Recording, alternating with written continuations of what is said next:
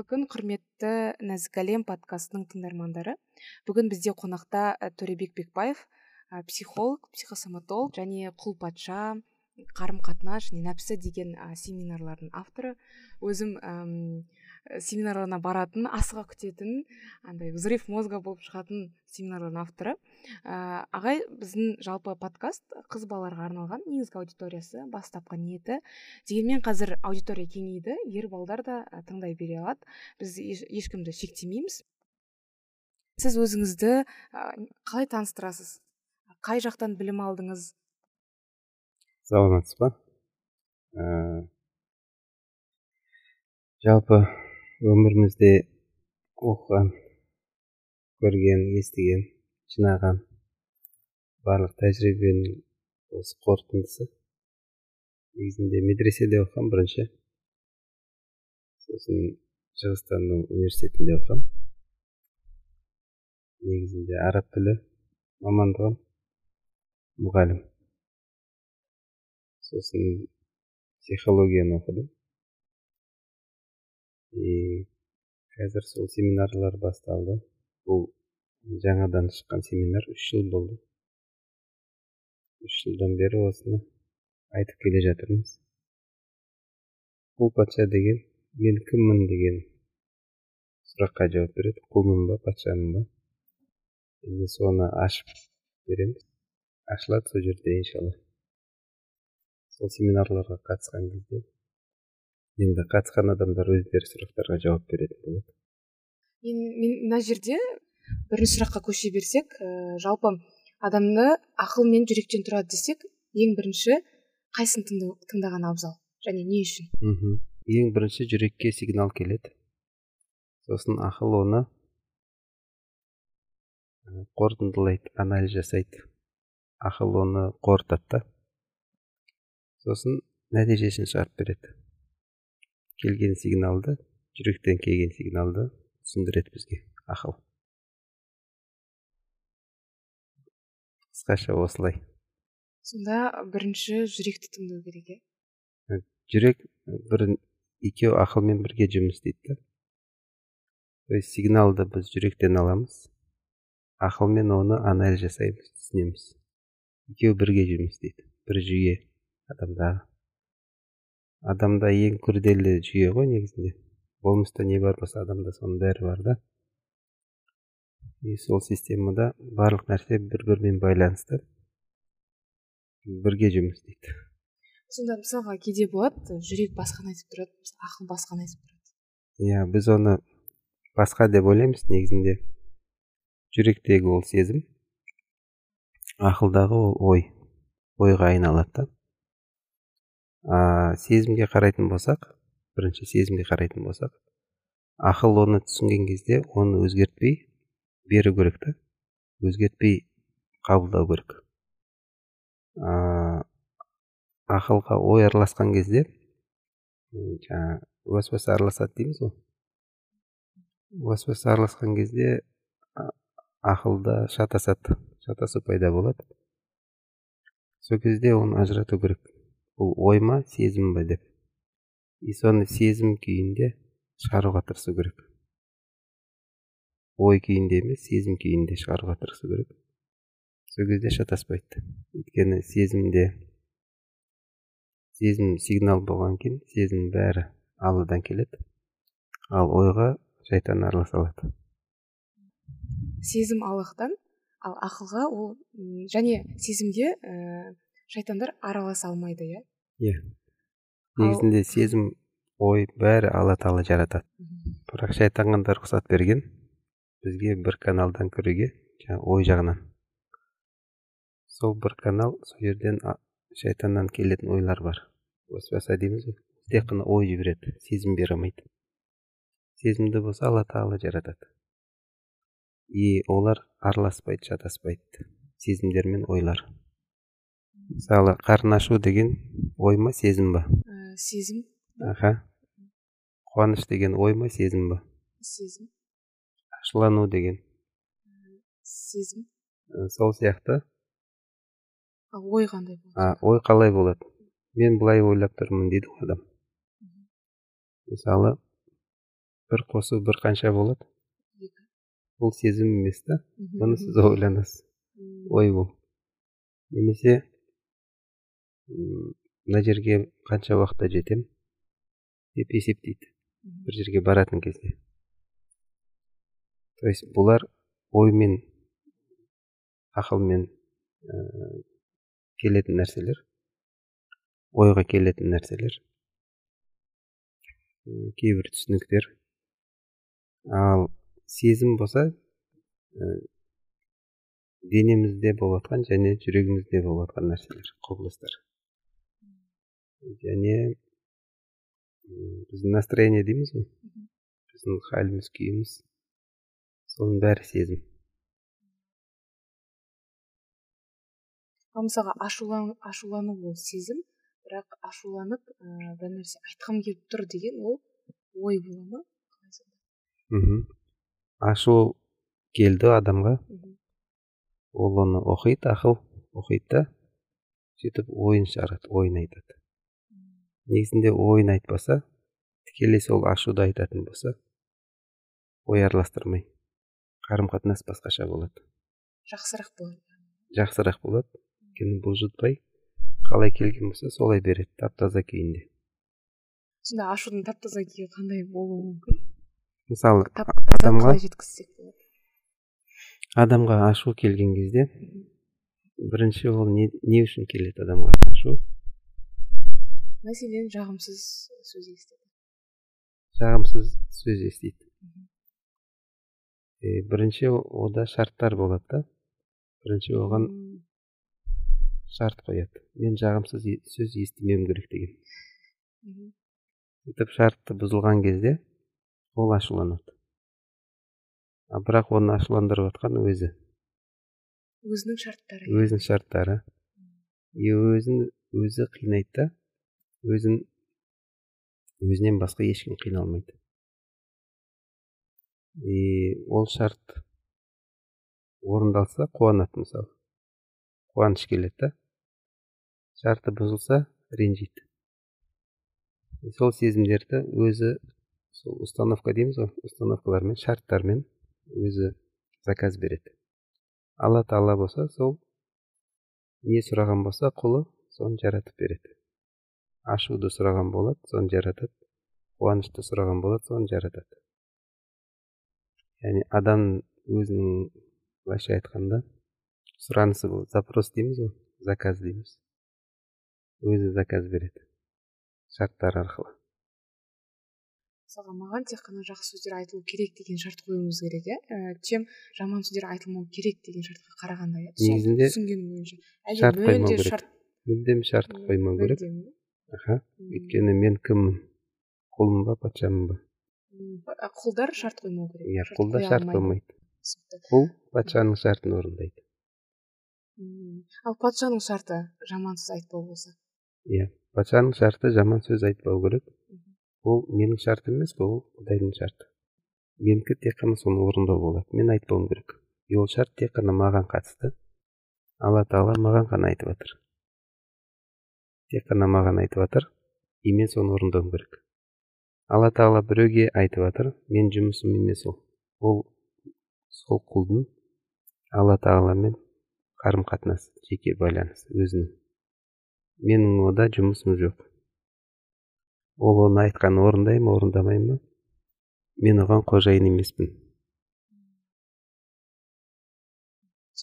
Сонда бір сөзбен айтқан кезде негізі жүректі тыңдау керек бірақ оны ақыл әдемі оқу керек иә. Дұрыс дұрыс оқу керек ақыл оны оқыған кезде өзінің ойын қоспау керек та. Қалай оқыған болса солай жеткізу керек. Мысалы қарның аш тұрса давай тамақ жейік демеу керек та. Дұрыс қой тамақ жеу керек қарным аш тұр не істейін деу керек. Мысалы қарны аш тұрса соны білдіреді соны жеткізеді. Қарның аш тұр не істейін дейді яғни қарны ашса оны айтпайды. Давай тамақ жейік дейді. Сол кезде адам оны түсінбейді. Тыңдап жатқан адам оны түсінбейді да қарсылық білдіреді. Неге? Өйткені оның шарты бар. Маған ешкім приказ бермеу керек деген. То есть шешім мен орнына ешкім шешім қабылдамау керек деген оның шарты бар. Сөйтіп ол оған қарсылық білдіреді.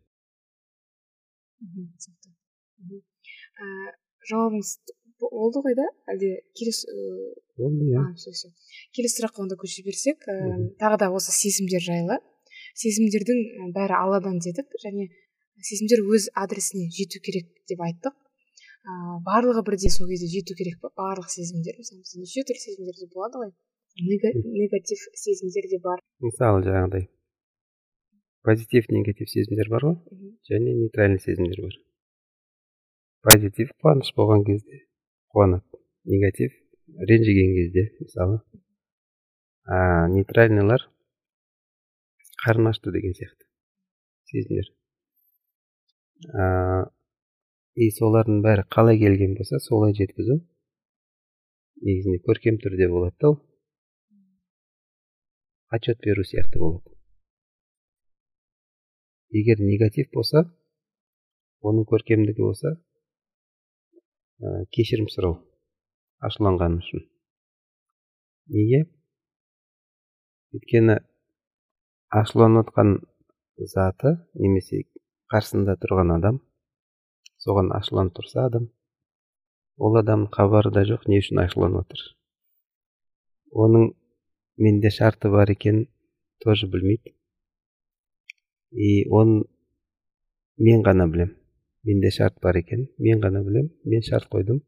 Ол шарт бұзылып жатыр ол орындамай жатыр. А мен ашуланып тұрмын. Сосын мен не үшін ашуланып жатқанымды айтпаймын. Мен оны тергей бастаймын. Неге олай жасайсың деп. А ол білмейді неге жасамау керек екенін олай. Мені ашуландырмау керек. Ол оған айтады неге мені ашуландырасың? А ол түсінбейді неге ашуландырмау керек? Или қалай ашуландырдым қалай ашуландырмау керек еді? Ол түсінбейді да. Сол үшін ашуланған кезде шартты мен қойдым. И мен қиналып жатырмын. Мен ашуланып жатырмын.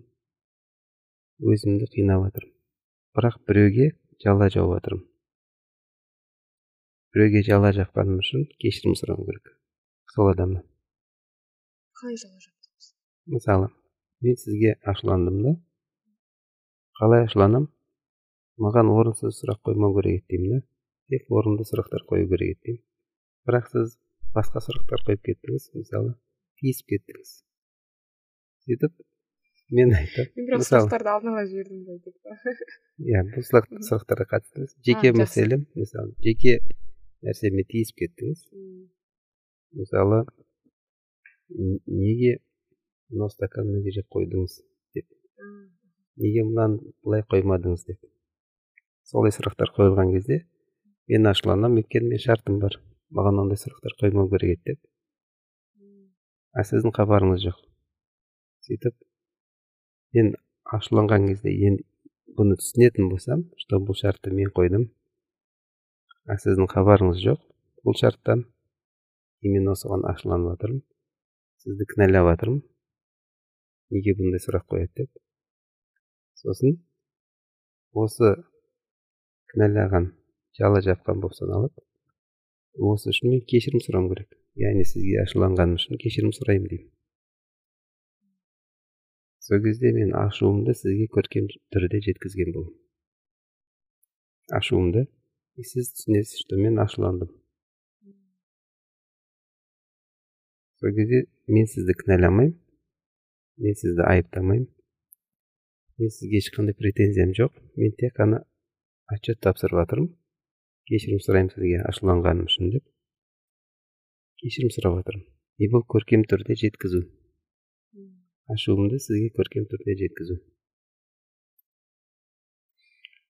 а негізінде бұл оқиға босқа болмайды ешнәрсе бос емес әлемде бос нәрсе жоқ алла тағала ешнәрсені босқа жаратпайды менің ашуым да бос емес сіздің олай сұрағыңыз да бос емес ол сұрағыңыз менің ашуымды оятты неге менде сондай шарт бар екенін көрсетті сіз менің айнам болдыңыз сіз арқылы менде сондай шарт бар екенін түсіндім мен сіз маған соны жоюға сол шартты жоюға көмектестіңіз негізінде сол үшін сіз маған тек қана көмек үшін берілдіңіз. Көмек үшін жіберілдіңіз. Сол сияқты әлемнің бәрі тек қана маған көмектесіп жатыр. Менің айнам болып жатыр. Менің ішімде не бар екенін көрсетіп тұр. Ішімде болып жатқан нәрсенің бәрі осы әлемде айна болып көрініп тұр маған. И менің жұмысым тек қана соны дұрыс оқу негізінде. Дұрыс оқитын болса бұның бәрі менің айнам екенін түсінетін болса оның шарттарының бәрі біртіндеп біртіндеп жойыла бастайды. Өз қалпына өз жаратылысына қайта орала бастайды. Өмірде ешқандай шарт болмаған кезде ғана шынайы құл бола аламыз иә иә. сол кезде біз өзімізді таба аламыз кім екенімізді түсіне аламыз не үшін келгенімізді не істеуіміз керек екенімізді түсіне бастаймыз да. Иә. сезімдер ол ә, құрал қарым қатынас үшін берілді. Ал бұл қарым қатынас ә, негатив болсын да мысалы позитив болсын ә, біздің құл екенімізді көрсетуге және шарттарды жоюға иә. көмекші құрал иә. Сезімдер негатив позитив и нейтральный дедік қой иә? Бұлар тоқ сияқты да. Плюс минус және жаңағыдай нөл деген. Фаза нөл и не дейді заземление дейді ғой. Тоқта. Электриктер біледі ғой сол үш провод үш канал ғой бізге келетін и плюс пен минусты бірге берген кезде ғана свет жанады ғой тек қана плюспен жанбайды да минусты тоже беру керек свет жанады и олар жақсы жаман деген категорияға кірмейді ол просто плюс пен минус екі знак оларды ажыратып тұратын категориясын ше бірақ олар жақсы жаман деген категория емес позитив пен негатив. Олар екеуі де құрал. Ә, біздің тәрбиеміз үшін берілген. Бізді тәрбиелеу үшін берілген. Сонда қарым қатынаста мысалға құрбымызбен болсын ата анамен болсын ә, плюсте және минустың да болуы қалыпты нәрсе деп қабылдасақ болады ма сонда? Иә бізде иә. Екеуі де болу керек. Екеуі де біздің тәрбиеміз үшін берілді ғой. Соны біз тек қана көркем түрде жеткізуді үйренсек көркем мінез аламыз солар арқылы сол сезімдер арқылы. Сонда олар бізге құрал ретінде көмектесіп тұрады сезімдер. Келесі сұрақ отбасында қандай сөздерді қолданбаған дұрыс? Мәселен ә, сезімдерді жаңағы көркем жеткізудің жолдары. Сіз айтқан едіңіз мысалға бір нәрсені әкеліп берші емес мен қалап тұрмын яғни мен тамақ ішкім келіп тұр деген сияқты. Және бір мен ұмытып қалдым да просто бір төрт нәрсе болды. Ә, төрт нәрсені айтпау керек оның орнына деп бір сіз фразалар дейікші ұсындыңыз. Негізінде бір құрал бар менен басқа ешкім жоқ деген. Тек қана мен бармын. Қалған бәрі айна. И менен басқа ешкім жоқ деген құрал ол яғни менен басқа маған ешкім жауап бермейді. Менің жауапкершілігімді ешкім алмайды. Мен істеген нәрсеме ешкім кінәлі емес. Және маған ешкім бір нәрсе беруге істеп беруге міндетті емес. Иә? Сол үшін мен тек қана менде болып жатқан нәрсені айта аламын өзімді ғана көре аламын и өзімен әлек болуым керек өз тәрбиеммен әлек болуым керек та. Мен алланың берген құралдарына сай өмір сүре аламын ба жоқ па? Соны қадағалауым керек. Оның шарттарын орындай аламын ба жоқ па? Не істеп жатырмын және жаңағыдай отбасында қалай сөйлесу керек? Алла тағала маған қандай сөйлесуді бұйырып тұр әмір етіп тұр? Көркем түрде. Көркем түрде деген сөз. Тағы да бір хадисте айтылғандай нағыз мүмин сол оның қолынан да тілінен де ешкімге зиян тимейді. Яғни менің сөзімнен біреу қиналатын болса значит оған зиян тиіп жатыр менің сөзімнен менің әрекетімнен. Мысалы мен үйге келген кезде үйдегі атмосфера өзгеретін болса негатив жағына қиын жағына өзгеретін болса значит менен зиян келіп тұр. Өйткені маған қарап өзгеріп жатыр. Значит менің салмағым бар. Сол салмақты олар көтеріп жүру керек. То есть жаңағыдай қазір әкең келеді дегендей значит оны қорқытулар иә значит оның салмағы бар ауыр. И бала шаға соны көтеріп жүру керек та.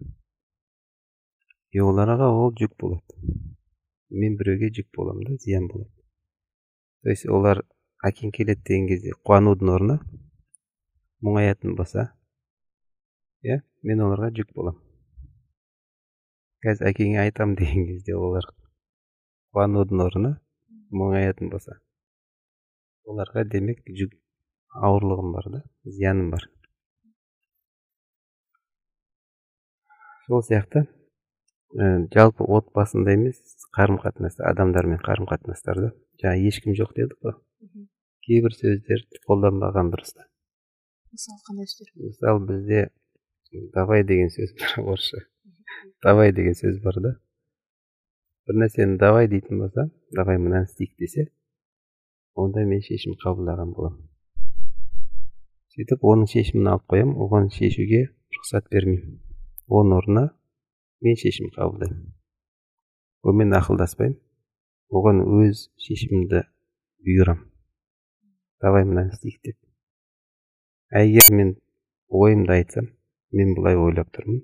Не істейін десем қалай істесек дұрыс десем ақылдасқан болады. Сол кезде оған жүк болмайды да.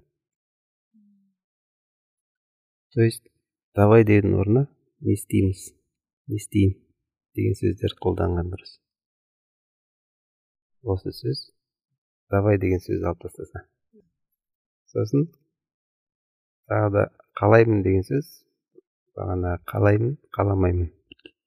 Бұл патшаға тән нәрсе құлға тән нәрсе емес. Қалаймын қаламаймын. Құлда мұқтаждық болады қажеттілік болады. Сөйтіп біздің ә, адамдардың басқа адамдарға үстемділігі жоқ қой ешқандай. То есть біреу біреуге мен қала тұрмын сен орындауың керексің деген сияқты. Ондай әмір жүргізе алмайды e, құрметке жатпайды. Сол қарым қатынаста бұл көркем мінезге әкелмейді да. Сол үшін мен қалап тұрмын деген орнына деудің орнына мен мұқтажбын маған қажет болып тұр деген абзал. Любой адамдармен қарым қатынаста сосын сен деген сөз сен деген сөз кінәлауға жатады. Айыптауға жатады немесе әмір етуге жатады да. Сен дейтін болса и ол жүк болады адамға. То есть мысалы мынаны неге былай істедің деген ол сен деген сөз. Яғни ә, екінші жақ бар ғой. Екінші жақ болмау керек та. Тек бірінші жақ болу керек мен болуым керек. Мысалы сен неге мынаны былай істедің деудің орнына мен неге мынаны былай көріп тұрмын деу керек та. Мына жерде тұрған. Неге былай көріп тұрмын? То есть мен түсінбей тұрмын. Қалай істесем? Қалай түсінсем болады? Қалай түсінсем болады? Сол кезде ол адамға давление болмайды жаңағыдай жүк болмайды салмақ болмайды да ол адамға ауыртпашылық тимейді и ол маған ашық болады сөйлесуге диалогқа егер мен оған бастыратын болсам сен неге былай істедің дейтін болсам тергеу тергеуші болып кетемін да сөйтіп ол уже менімен ә, сөйлесуді қаламайды қашады менен қашатын болады өйткені ол яғни мен оған мысалы бауыр болатын болсам немесе әке болатын болсам немесе баласы болатын болсам менің орныма тергеушіні көріп тұрады. Сөйтіп оны қаламайды ол тергеушіні қаламайды. Оған әке керек немесе бауыр керек немесе бала керек. То есть рөлдер ауысып кетеді. Басқа рөлде сөйлесетін болса адамдар бір бірін түсінбей қалады. Сол үшін ол сөздерді қолданбаған абзал да позитив айтсашы айтса да қалай айтса да адамда ол подсознаниеда блок болады. Мысалға ата анамыз сен сондай жақсы оқисың сабақты десе андай уже шалынуға қорқып да оқымай қалуға қорқып сондай болады ма? Комплименттерді қалай айтуға болады? Негізінде сен иә сен жақсы адамсың сен андайсың сен мынандайсың деген кезде ол да жүк алады өзіне. Жауапкершілік алады сондай болуға тырысады да. А егер мен осылай көріп тұрмын сені десе сол кезде өзі туралы айтатын болады. И ол ондай жүк алмайды. Яғни ол сенің көзқарасың деп түсінеді уже. Өмірдің бәрі жеңіл түсінеді. Иә. Иә. Күшті. Негізінде өмірде ең маңызды нәрсенің біреуі қарым қатынас ең маңызды нәрселердің біреуі. Айтады ғой шынымен де таразының бір жағына барлық сауаптарды үйіп төксе екінші жағына көркем мінезді қойса көркем мінез ауыр басып кетеді. Иә. көркем мінез ол осы қарым қатынас қой иә жәннатқа немен кіреді деген кезде көркем мінезбен кіреді деген да. Амалмен кірмейді деген немен кіреді көркем мінезбен кіреді деген. Өйткені көркем мінез амалдармен қалыптасады.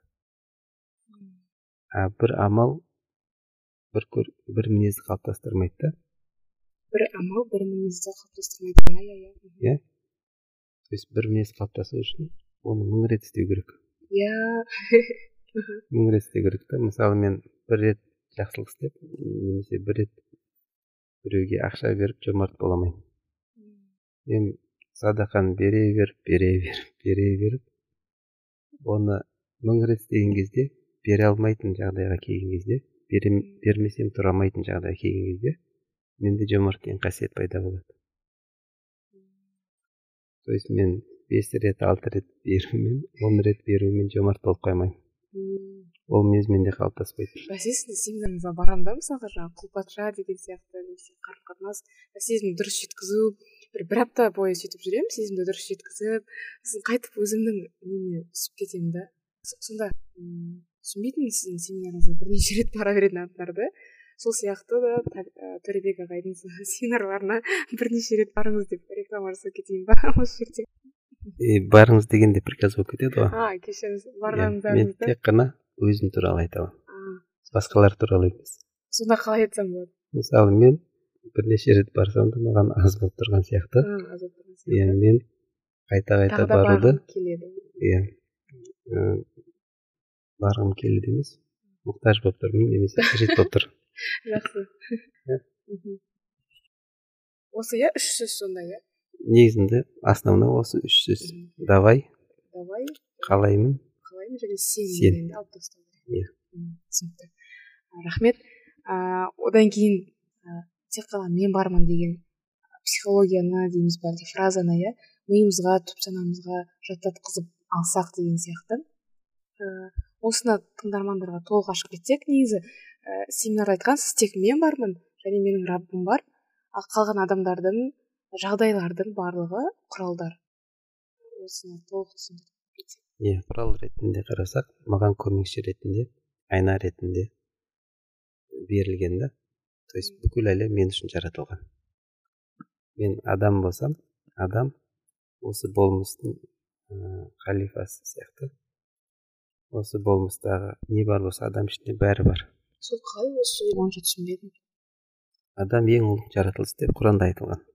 Ең ұлық деген да ең ұлық деген бүкіл жаратылыстың басы деген басшысы басшы и халифасы деген то есть бүкіл жаратылыс осыған ә, мойынсынады осыған қызмет етеді бүкіл жаратылыс оны жаратқан кезде барлық періштелерге әмір етті сәжде етіңдер барлық періштелер сәжде етті тек иблис сәжде етпеді ол ғана мойынсұнбады қарсылық білдірді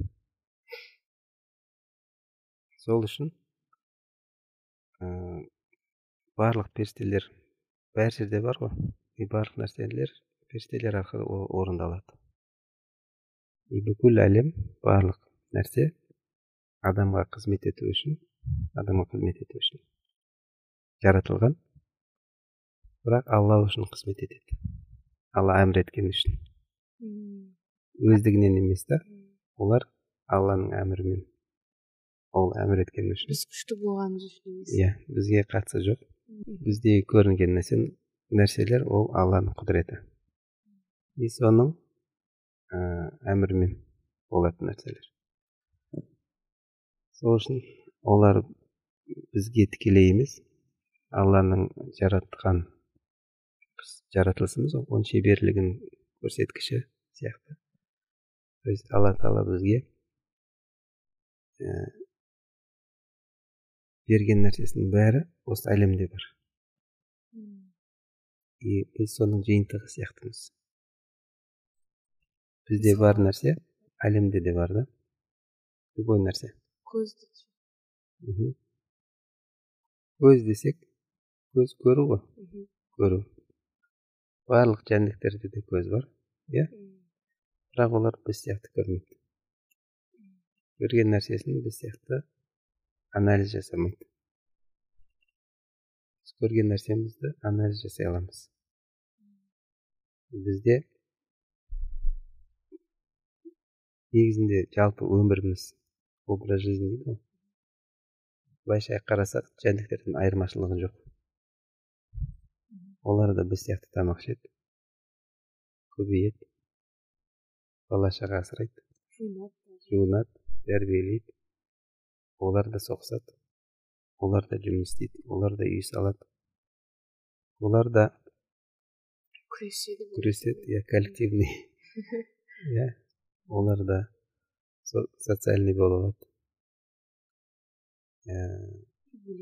и өледі и сол өміріміз олардан почти айырмашылығымыз жоқ ешқандай тек бір айырмашылық бар бізде сана бар и сонысымен біз ерекшеміз бізде еще сезім бар ғой. Оларда да сезім бар. Иә сезім деген интуиция дейді ғой. Интуиция бар бізде бар оларда бар. Инстинкт бар бізде де бар оларда да бар. Сол үшін бізде бірінші нәпсі животный инстинкт дейді ғой. Бірінші нәпсі ә, соларға ұқсайды.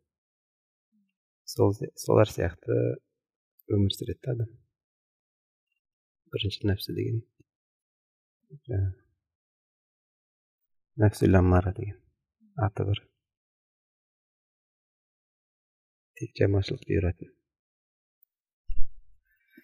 Бірақ ол басқа тема. Жақсы. Нәпсі тақырыбы.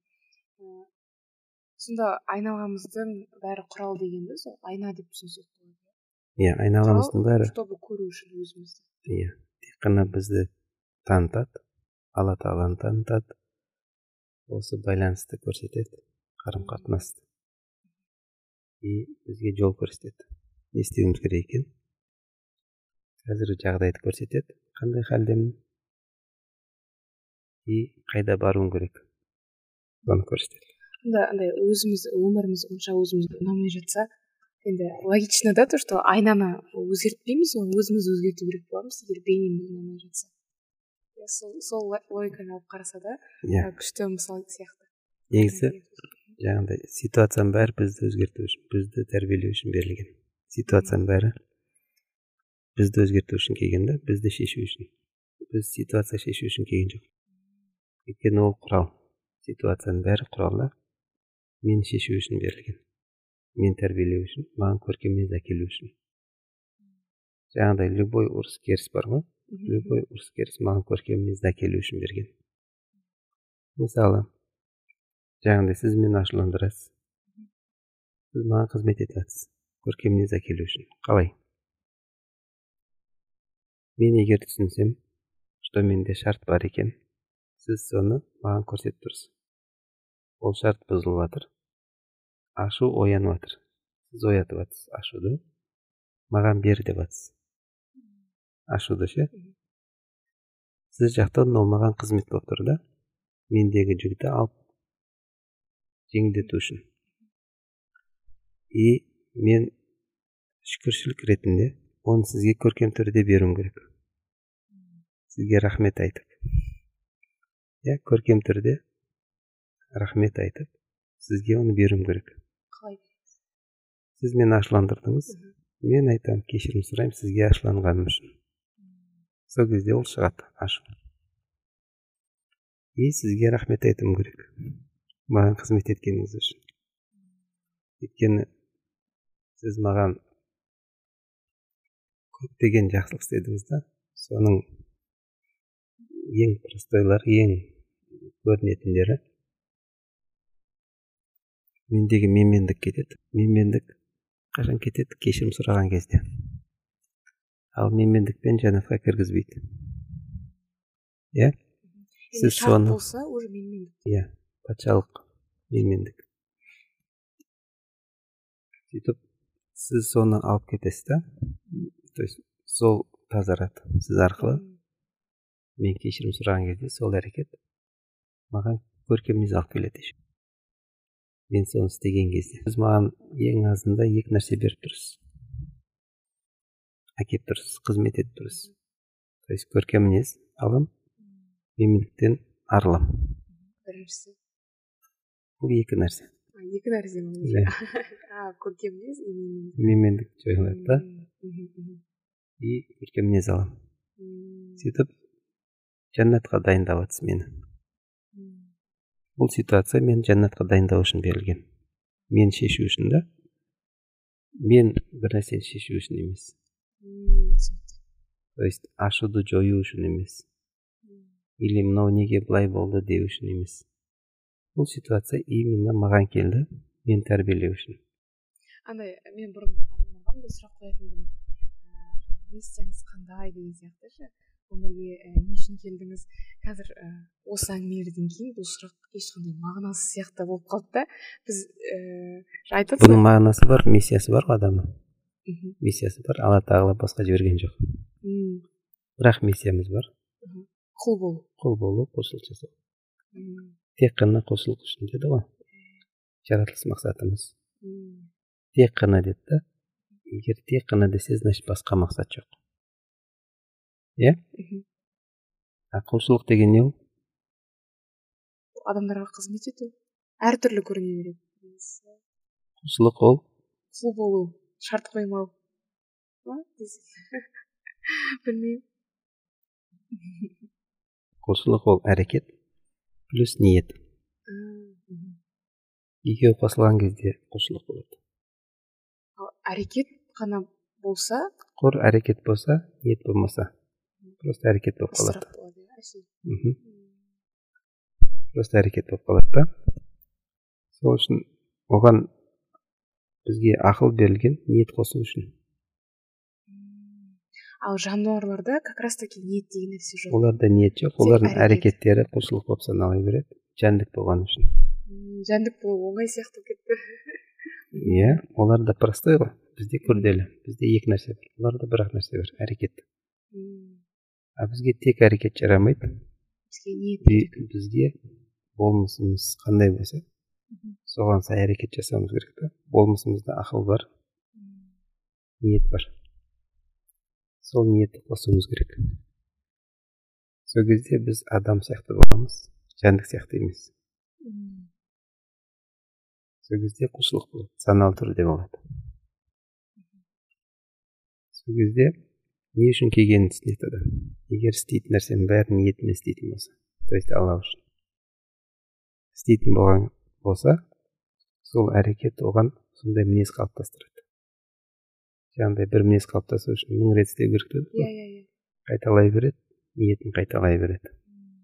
Сол кезде түсіне бастайды. Жалпы ашудың өзі шарт қоюдан бастау алады деген негатив. аха. Негатив сезімдердің барлығы шарт қоюдан бірақ ыыы андай анрил анрил деген қалай мүмкін емес сияқты көрінеді негатив сезім өмір сүру. Бұл бір әулиелердің деңгейі сияқты да деп ойладым да. Бірақ ә, қарасақ мысалы пайғамбарымыз саллаллаху айтқан ғой ә, сабырдың ең күшті түрі ашуланған кездегі ашудың алғашқы сәтіндегі сабыр.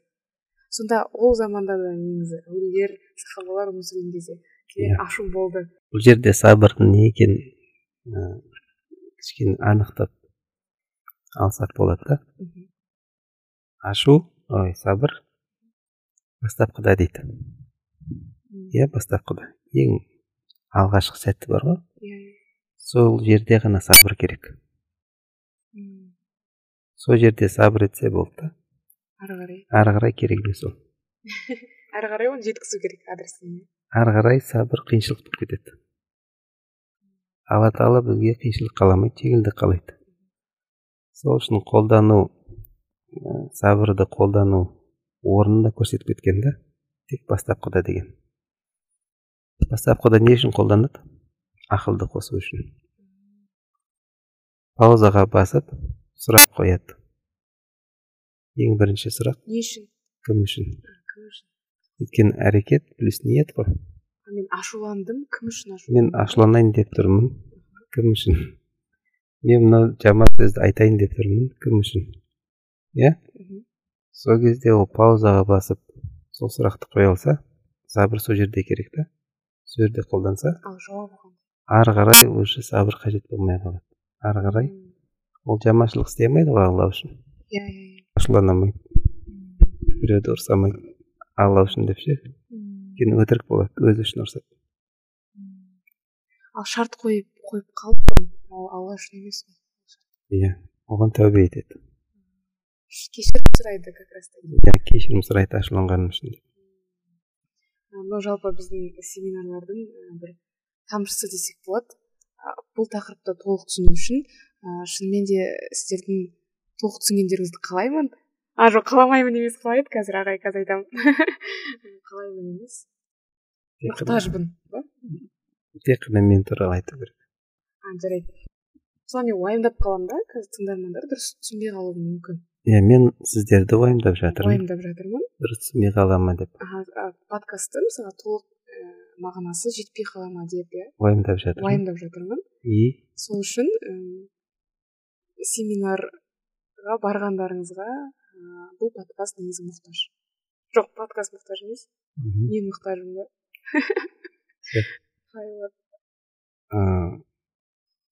барған кезде толығырақ түсінесіз деп үміттенемін күшті күшті әдемі барған кезде иә толық түсінесіз деп үміттенемін ә, келесі сұраққа көше берейік. Алла тағалаға ең үлкен құлшылық қандай? Алла тағала ең үлкен құлшылық ең көп жасалатын жұмыс ең үлкен объемында постоянно істелінетін тоқтамайтын ешқашан тоқтамайтын иә? Әрекет ол ойлану. Тефеккүр тефеккүр дейді аха. Ойлану. Бірақ ойланудың несі болу керек? Ниеті болу керек. Ниеті болу керек. Құлшылық болу керек. жай ғана әрекет. Жай ғана әрекет. Әрекетке ниет қосу керек. Алла үшін деген ниет болу керек иә? Иә кім үшін ойланады? Сол кезде ол ең үлкен құлшылық болады. Ә, енді мындай сұрақ қалып кетіпті да мана соны қойып жіберейінші. Мысалға психологтарға адамдардың көбі қазір барып жүр ғой. И барлығының жаңағыдай бір ғана дертті бір көпшілігінің дерті дейікші иә? Реніш үшін барады екен да. Көбісі солай айтады. Ренішті қалай жеңеді деген сияқты. Ата анаға реніш бауырға жұбайға деген сияқты. Осы ә, ренішті ұмыту жолы сонда кешірім сұрау негізінде ұмыту деген құтылу деген сөз ғой. Иә. Иә құтылу. Құтылу жолы ренішті құтылу жолы адресіне апарып беру. Әр сезімнің адресі бар ғой. Тек қана адресіне шығады да ол басқа адреске шықпайды. Мысалы мен біреуге ренжісем психологқа барсаңыз да ол кетпеуі мүмкін иә сол үшін де. Иә ол просто напряжениені түсіруі мүмкін. бірақ оның түбі менде қалып кетеді. Мен сол адамды қайтып көрген кезде қайтадан шығады. Иә иә солай қалып кетуі мүмкін. Енді ол жаңағыдай басқа жолдармен одан да қалай десек жоғары дәрежеге шығып бәрінен құтыла алатын кейбір нелер болады. Адамдар. Негативтен құтыла алатын әулиелер ма соларға жақын. Соларға жақын әулие ма жоқ па білмеймін енді. Бірақ негізінде адамға апарып берген кезде жаңағы екі нені алады минимум ше? Менмендікті жояды көркем мінез алады. Сөйтіп ренішін адресіне апарып береді. Сонда да кешірім сұраудың форматы мынадай болу керек иә? Мен сізге шарт қойып қалыппын. Оны айту қажет жоқ өзі біледі ғой ол оған айтқан нәрсесі признаниясы то есть мойындауы ренжіді ғой.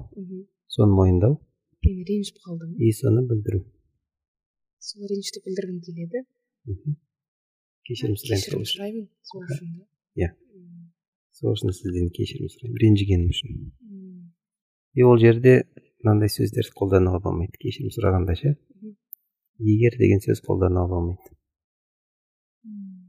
потому что ол жоқ деген нәрсе. Егер деген. Жоқ деген сөз болсам деген болсам деген сөз қолдануға болмайды ол да жоқ деген сөз сосын барлық нәрсе үшін деген сөз қолдануға болмайды ол да түсініксіз нәрсе барлық нәрсе үшін кешірім сұраймын деген ба иә сосын ыыы кешір деген сөз қолдануға болмайды ол приказ болып кетеді ол сұрамайды да приказ береді и мысалы егер мен сені ренжіткен болсам деп айтуға болмайды. Мен сені ренжіткен болсам. Ол да бір болсам деген бір егердің басқа бұл жерде үшеуі де қате да. Егер деген қате ренжіткен де қате болсам да қате. Өйткені мен біреуді ренжіте алмаймын. Өзі ренжіді. Өзі шешеді ренжи ма жоқ. Па ол ренжімеу ренжімеу де мүмкін да. Ренжи ма жоқ па өзі шешеді а мен оның орнына шешіп тұрмын сені ренжіткенім үшін деп. Егер қате себебі? Егер деген жоқ деген нәрсе. Негізі мен сені ренжіткен жоқпын деген сияқты. Иә мойындамайды мойындамау ни за что деп тұр ғой болсам дегенде жоқ нәрсе. Болсам деген жоқ қой әлі болған жоқ. Әлі болған жоқ.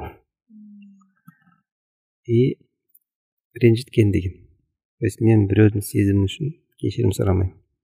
Тек өзім сезімдерім үшін. Кешірім сұраймын.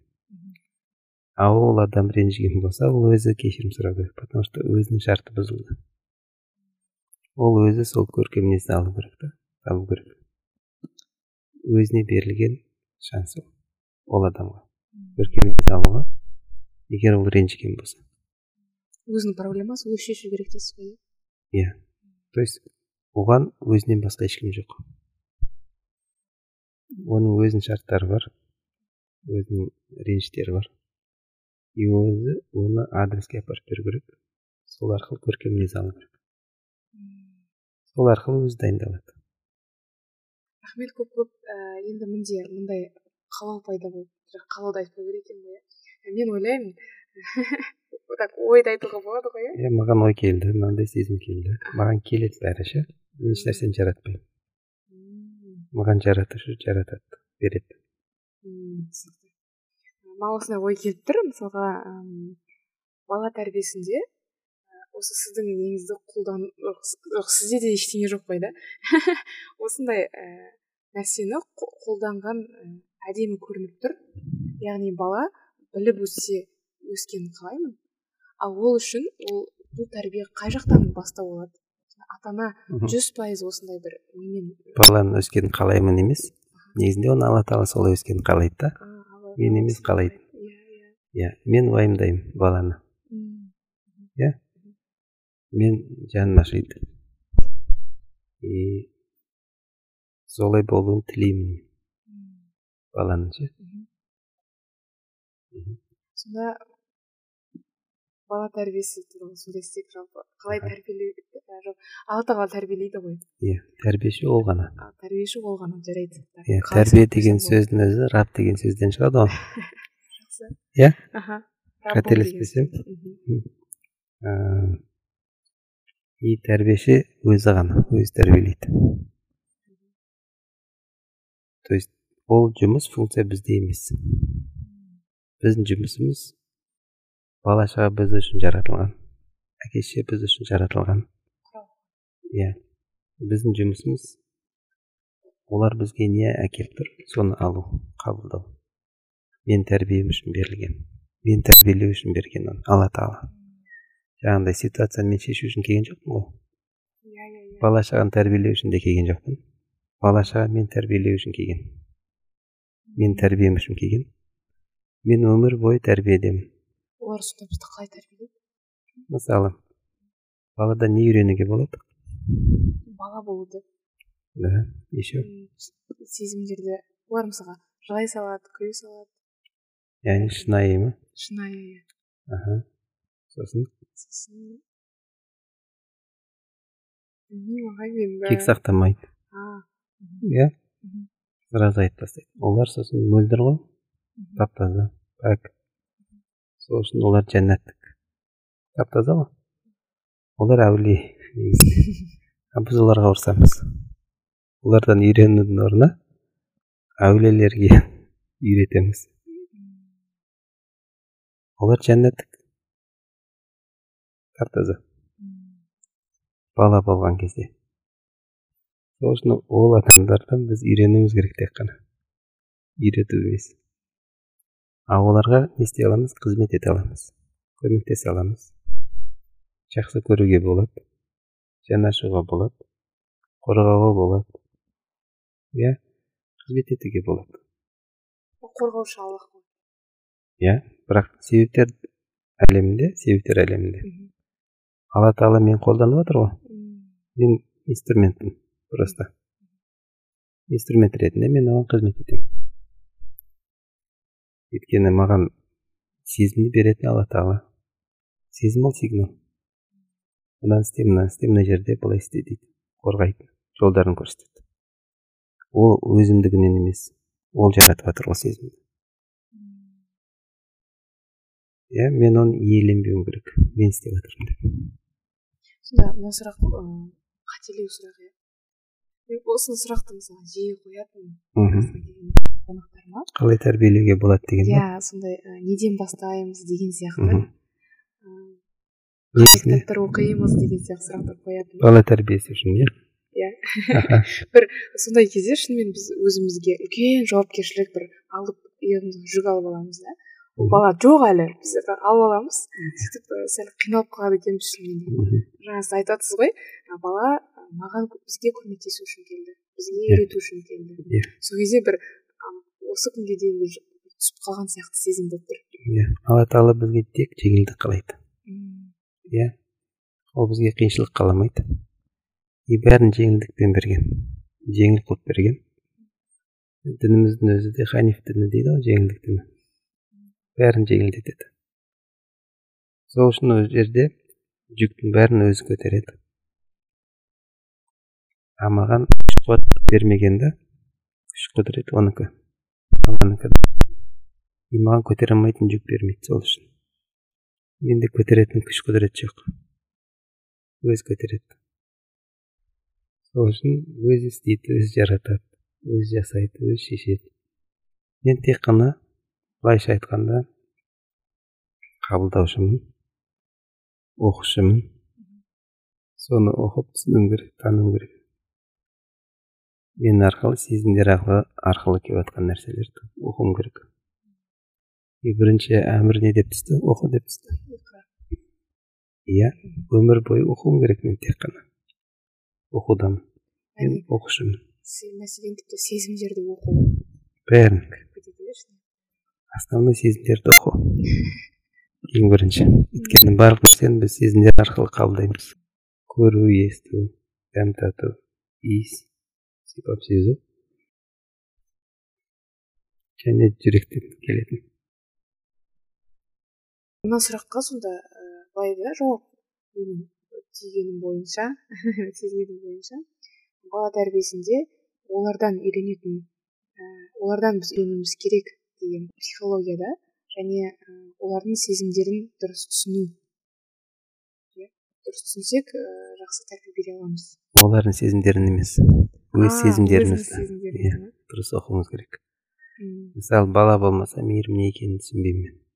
М, бала болғаннан кейін алла тағала маған мейірім берді.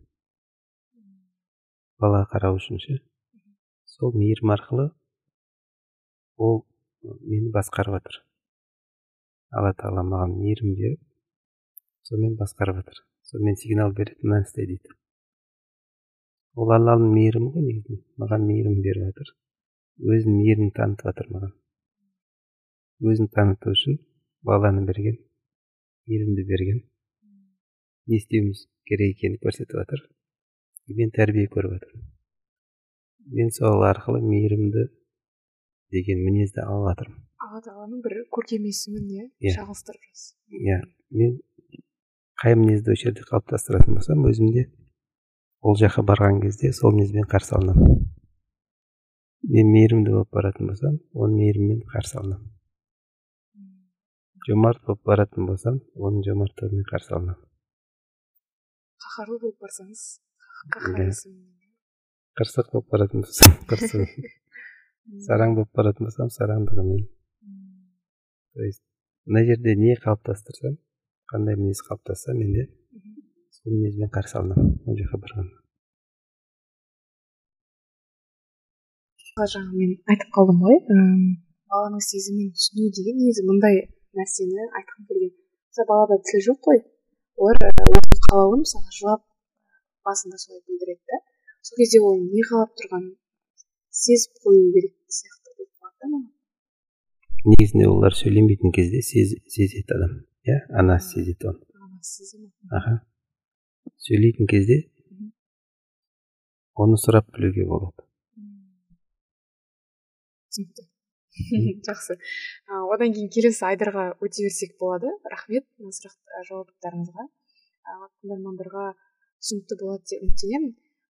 Келесі айдарға өтсек бұл айдарға айдарда жауаптар мамандығыңызға байланысты болуы шарт емес.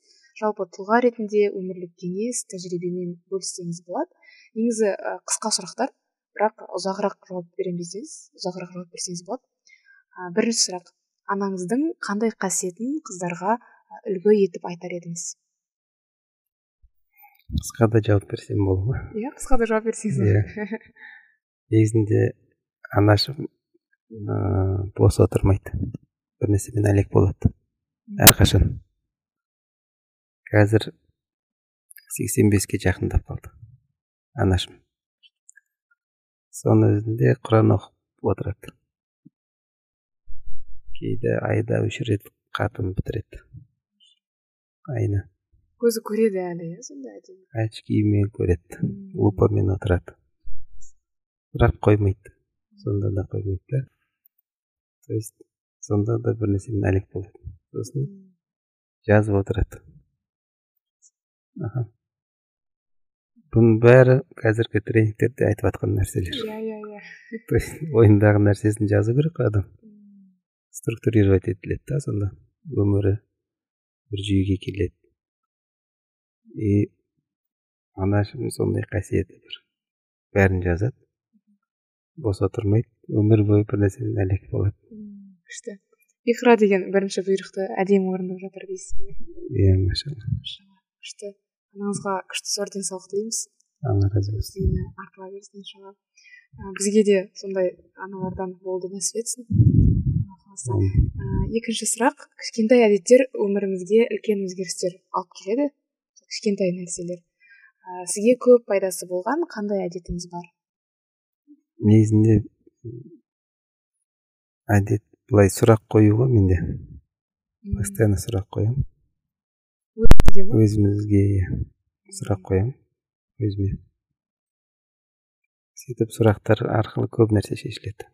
Қандай сұрақтар қоя- қоясыз? Біз жазып алсақ жаңағыдай кім үшін деген. Жаңа не үшін кім үшін? Иә мен кіммін деген. Бірінші өзін табу керек адам. Өзін тану керек. Сөйтіп сол сұрақтар арқылы любой әрекет любой әрекет реттеледі. Семинарда айтқан. Кім не үшін кім үшін? Кім үшін? Ол жерде төрт сұрақ бар. Ол ниетті дұрыстау үшін. А бұл тек ниет дұрыстау үшін. Ниет дұрыстау үшін. Әр амал ниетмен ғой. Сол амал ә, амалға ниет дұрыстау үшін. Төрт сұрақ қойылады. Бірақ оны адам жаңағыдай просто айта салмен түсінбейді. Оны подробный отырып сөйлесу керек иә дұрыс айтасыз оны түсіну одан кейін ұғыну үшін мысалы бізде семинарлар қанша еді төрт сағатқа жуық иә. болады. Сондай үлкен мұқтаждықты уақыт мұқтаждығын талап етеді. талап етеді иә. Дұрыс үшінші сұрақ. Басында ұнамсыз көрінгенмен нәтижесі сіз үшін қайырлы болған өміріңізде болған бір оқиғаны айтып бере аласыз ба? Басында бір жерге бір нәрсе енді ондай есімде жоқ негізінде. Соңында бәрін қайырлы деп ойлаймын. Сондай бір оқиға үлкен ондай жоқ па? Ондай жоқ. Бәрі қайырлы мен үшін десеңізші.